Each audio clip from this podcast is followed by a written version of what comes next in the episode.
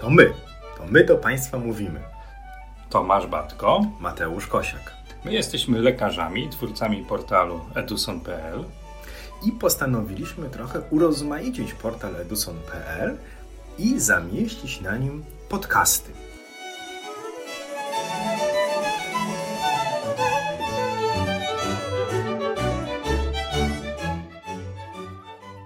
Wakacje, czas odpoczynku, leżakowania, czas aktywnego spędzania czasu. Czas na nowy cykl podcastów. Nowy wakacyjny cykl podcastów, ale taki, który da nam troszkę do myślenia, taki, który pewnie skupi naszą uwagę. A żeby skupił jeszcze bardziej, to proponujemy Państwu te podcasty nieco rzadziej, co dwa tygodnie. Nowym cyklem, którym chcielibyśmy Państwa zauroczyć w tym letnim czasie, jest cykl o nazwie Kontrowersje ultrasonograficzne wakacyjne. Takie kontrowersje, które my autorytarnie poniekąd wybraliśmy, traktując je jako ciekawe, i takie kontrowersje, które wiemy, że skupiają Państwa uwagę albo wręcz są przez Państwa prowokowane podczas naszych wspólnych spotkań, czy to internetowych, czy to tych na żywo. Zaczynamy. Dziś odcinek pierwszy. Jaki jest koszt badania ultrasonograficznego? Uwaga, tytuł jest niezwykle istotny. Nie jaka jest cena badania ultrasonograficznego, tylko jaki jest koszt tego badania. Nie chodzi nam o to, ile pacjent jest w stanie zapłacić za to badanie, ale ile to badanie tak naprawdę kosztuje. Zawsze się mówi, że ultrasonografia ma wiele zalet. Jest badaniem nieinwazyjnym, niezwiązanym z promieniowaniem rentgenowskim, łatwo dostępnym i tutaj jak jest ta taka litania zalet ultrasonografii, zawsze pojawia się informacja, że jest to badanie o stosunkowo niskim koszcie. No i jakbyśmy nawet sobie tak się nad tym zastanowili, stosunek informacji, które można uzyskać do kosztu, czy nawet ceny tego badania jest na korzyść ultrasonografii, dość powiedziałbym dobrze rokujący. Ultrasonografia korzystnie wypada.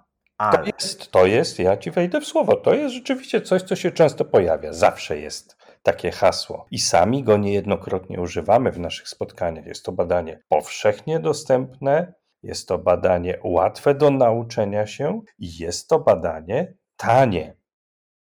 Ale tanie, co to znaczy tanie? Tanie, bo jest tańsze rzeczywiście od badania radiologicznego, takim jakim jest badanie tomografii komputerowej czy badanie rezonansu. Oczywiście Państwo zaraz zadacie pytanie, no dobra, ale co zrobić z takimi badaniami, które wymagają środków kontrastujących, które wymagają drogiego aparatu ultrasonograficznego, które wymagają elastografii? Te badania nie są tanie. Tylko czy tędy powinna nasza myśl biec w tych naszych rozważaniach?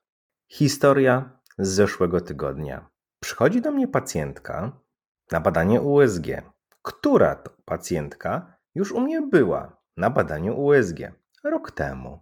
Wówczas, podczas badania ultrasonograficznego, które ta pacjentka sobie zafundowała, bo było to badanie komercyjne narządów jamy brzusznej, wykryliśmy torbiel trzustki. Torbiel trzustki, nieduża, 7 mm, ale torbiel z delikatną przegrodą i zaczęło się jedno badanie ultrasonograficzne, niezbyt wygórowanym koszcie w stosunku do innych badań obrazowych i diagnostycznych, u tej oto pacjentki wygenerowało lawinę dalszej diagnostyki, bo trzeba było zrobić tomografię komputerową, której wniosek był taki, że jednak trzeba zrobić rezonans. Potem, po trzech miesiącach, trzeba było skontrolować tę samą torbiel w rezonansie. Oczywiście tam się nic złego nie dzieje i pacjentka ma się świetnie. Schudła 10 kg ze stresu związanego z diagnostyką, która wynikła z powodu tej torbieli. Torbiel po roku w badaniu ultrasonograficznym wygląda identycznie. Pacjentka jest tak samo zdrowa, jak zdrowa była rok temu.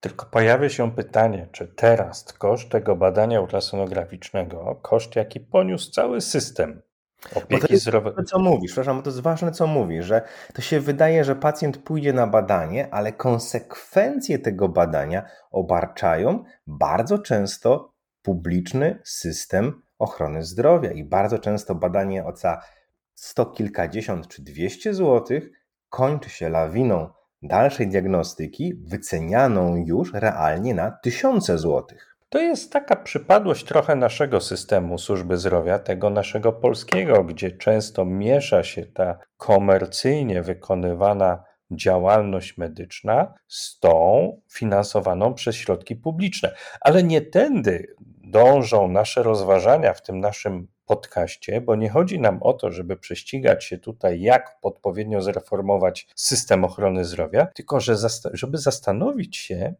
które badania rzeczywiście są badaniami stosunkowo tanimi, jeżeli chodzi o ekonomię i o przyszłość naszego pacjenta, a które generują olbrzymie koszty, niekoniecznie dlatego, że są one rzeczywiście uzasadnione, no bo ja podejmę z Tobą pewnego rodzaju polemikę. Ta pacjentka, o której mówisz, ona ewidentnie wymagała dalszej diagnostyki obrazowej. Oczywiście końcowe rozpoznanie było takie, że nic tej pacjentce w sensie choroby onkologicznej w tym momencie się nie dzieje, choć wymagała jakiejś długo lub krótko dystansowej obserwacji. Ale wiesz doskonale, że czasem pewne nasze działania podejmowane poprzez wykonywane badania ultrasonograficzne generują zbędne koszty i w niektórych krajach te koszty są bardzo skrupulatnie liczone. Bardzo skrupulatnie prowadzi się różnego rodzaju badania obserwacyjne, które mają wycenić sensowność wykonywania konkretnych badań obrazowych bądź monitorowania naszych pacjentów. Prosty przykład, który jest Ci doskonale znany: polipy pęcherzyka żółciowego.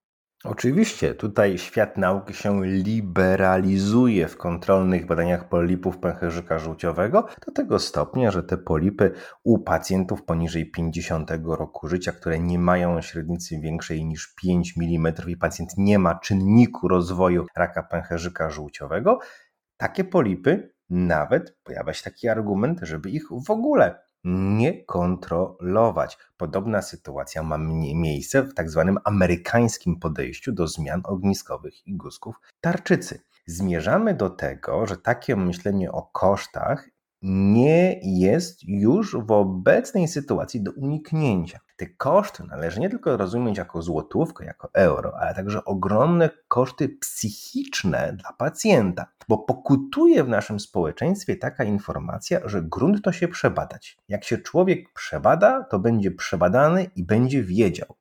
Problem jednakże polega na tym, że często pacjent nie zdaje sobie sprawy, że pomiędzy pełnym zdrowiem a ewidentną chorobą wcześniej wykrytą, wymagającą dalszego leczenia, jest pewna strefa przejściowa. Jest pewien zbiór patologii, które życia nie skrócą, zabić nie zabiją, ale krwi napsują poprzez inne badania diagnostyczne. Czy to wymieniony przez Ciebie polip pęcherzyka żółciowego, angiomiolipoma w nerce, generalnie jest angiomiolipoma, ale ryzyko tych kilku procent, że to będzie rak nerki, zawsze jest. Torbiel z przegrodami, non-simple cyst w nerce, torbiel z przegrodami w wątrobie. To są wszystko zmiany, z którymi mamy wielu pacjentów, którzy żyją, mają się świetnie, ale w momencie rozpoznania, znalezienia takiej zmiany konieczna jest dalsza diagnostyka.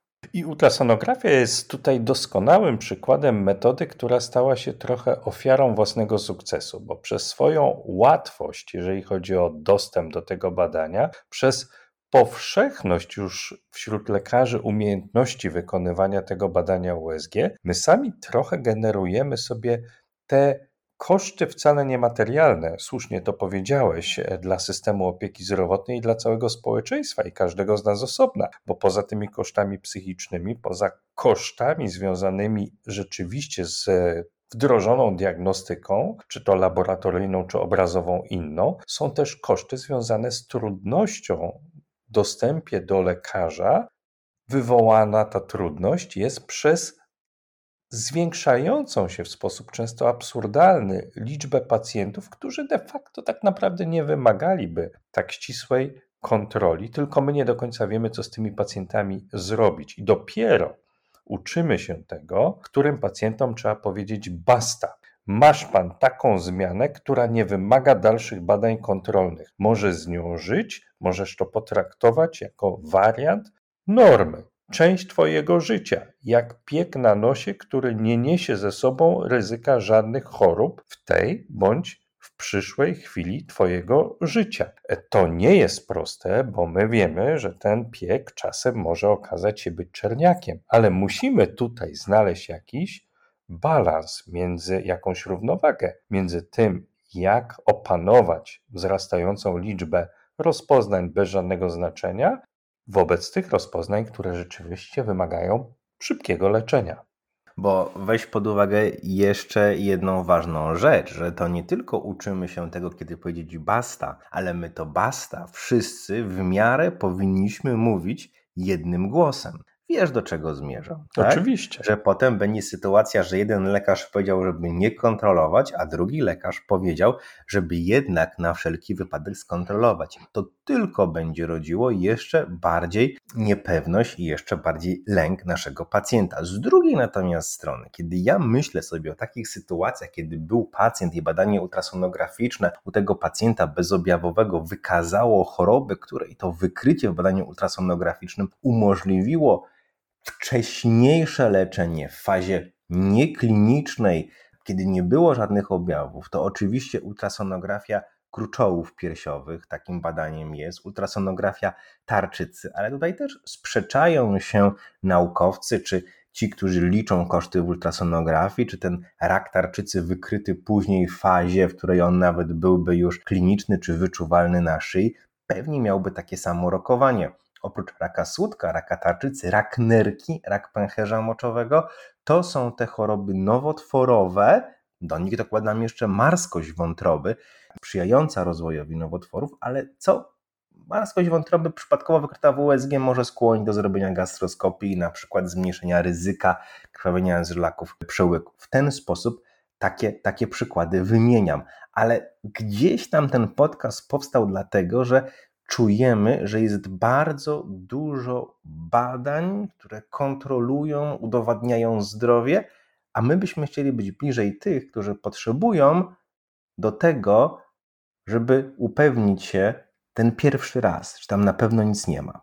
I niestety bardzo mnie martwi to, że ciągle mamy nie z naszej winy bardzo szeroką mega szeroką, szarą strefę naszych pacjentów, których znalezione patologie nie pozwalają nam jednoznacznie na podstawie posiadanych przez nas danych powiedzieć: Pan nie musi się kontrolować, pan nie musi nic więcej robić, pani nie musi wykonywać sobie dalszych szczegółowych badań obrazowych bądź laboratoryjnych, a Między tą strefą szarą są te dwa skrajne punkty pacjentów, którym możemy powiedzieć: OK, jest pan zdrowy i kończymy dalszą diagnostykę i może się pan, pani cieszyć życiem. I ta druga strona medalu, gdzie my wiemy, że ten pacjent wymaga pilnej diagnostyki. Ten podcast jest też po to, żebyśmy uczciwie szperali w różnych nowych wytycznych, w różnych nowych zaleceniach, w różnych badaniach, które pokazują się, badaniach populacyjnych dużych, które mają na celu właśnie oddzielenie ziarn od plew, odsianie tych pacjentów, którzy wymagają zwiększenia kosztów po to, żeby poprawić ich jakość życia, od tych pacjentów, którym trzeba powiedzieć stop, kończymy diagnostykę, już nic więcej nie możemy zrobić, bo jest to zdrowie. Z jednej strony mamy taką sytuację, że pacjent chce się przebadać i w tym przebadaniu widzi nadzieję na swoją długowieczność. Z drugiej strony mamy taką sytuację, że ten pacjent, który chce się przebadać, nie jest przygotowany na to mentalnie, że będzie w tej szarej strefie, o której mówisz. Ten pacjent oczekuje jednoznacznych odpowiedzi, których nawet nauka, badania kliniczne nie są w stanie mu dać. Znaczy, mogą mu dać, że w kilku procentach ta zmiana, którą on ma, może być rakiem nerki, ale w 95 to będzie angiomiolipoma i nic złego mu z tego tytułu nie będzie. W związku z tym, jak pacjent jest w szarej strefie, może gdzieś próbować dążyć do rozwiązań jednoznacznych, a wytnijcie mi to. Ja nie chcę tego mieć. Takich pacjentów też miałem. I każdy z nas pewnie z takimi pacjentami się spotkał. A z drugiej strony nauka rozwija się w tym kierunku, że zaczynamy wartościować pewne badania na zasadzie, czego nie badać, czego nie kontrolować, co też z punktu widzenia pacjenta może być nieco niestandardowym podejściem. I wymaga olbrzymiego zaufania pacjentów do lekarzy, lekarzy do pacjentów, lekarzy do badań naukowych, które się okazują, państwa, które finansuje służbę zdrowia do tych wytycznych, które pokazują się rękami, oczami, długopisami różnych gremiów profesorskich czy klinicystów, którzy mają olbrzymie doświadczenie w danej dziedzinie. To jest system naczyń połączonych i nie naszą rolą jest tutaj w tym podcaście wskazywać Państwu, które rozwiązanie jest najlepsze, ale wszyscy musimy niestety być bardzo czujni w tym, jak dysponujemy szeroko pojętymi środkami, nie tylko finansowymi, naszych pacjentów. Powinniśmy też zdawać sobie sprawę, że sztuczna inteligencja, która tak intensywnie wchodzi, i także ona wchodzi do ultrasonografii, nie jest pacaneum na całe zło, albowiem jak przygotować pacjenta, jak pomóc żyć pacjentowi z natłokiem informacji, które taki pacjent w takiej sztucznej inteligencji może otrzymać. Nagle jesteśmy w takim etapie rozwoju medycyny, że problemem nie jest nie wiem, nie mam pojęcia, nie znam się, zarobiony jestem, ale problemem jest, mam nadmiar informacji, nadmiar bodźców, czasami nawet sprzecznych, różne są badania naukowe, różne są wytyczne, różne są postępowania. Nie ma jeszcze w Pani sytuacji jednoznacznego konsensusu, bądź ten konsensus zmienił się w ciągu ostatniego roku i dlatego lekarze mówią różnymi głosami. Jest to bardzo ciekawa obserwacja tego, co się wokół nas dzieje.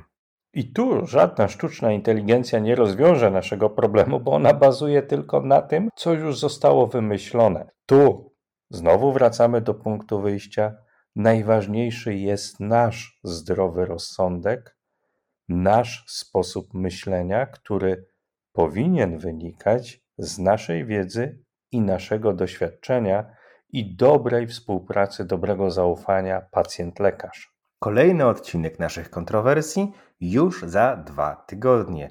Tymczasem dajemy szansę odpocząć naszym szarym komórkom, aby jeszcze lepiej analizowały, syntezowały, odrzucały to, co niepotrzebne.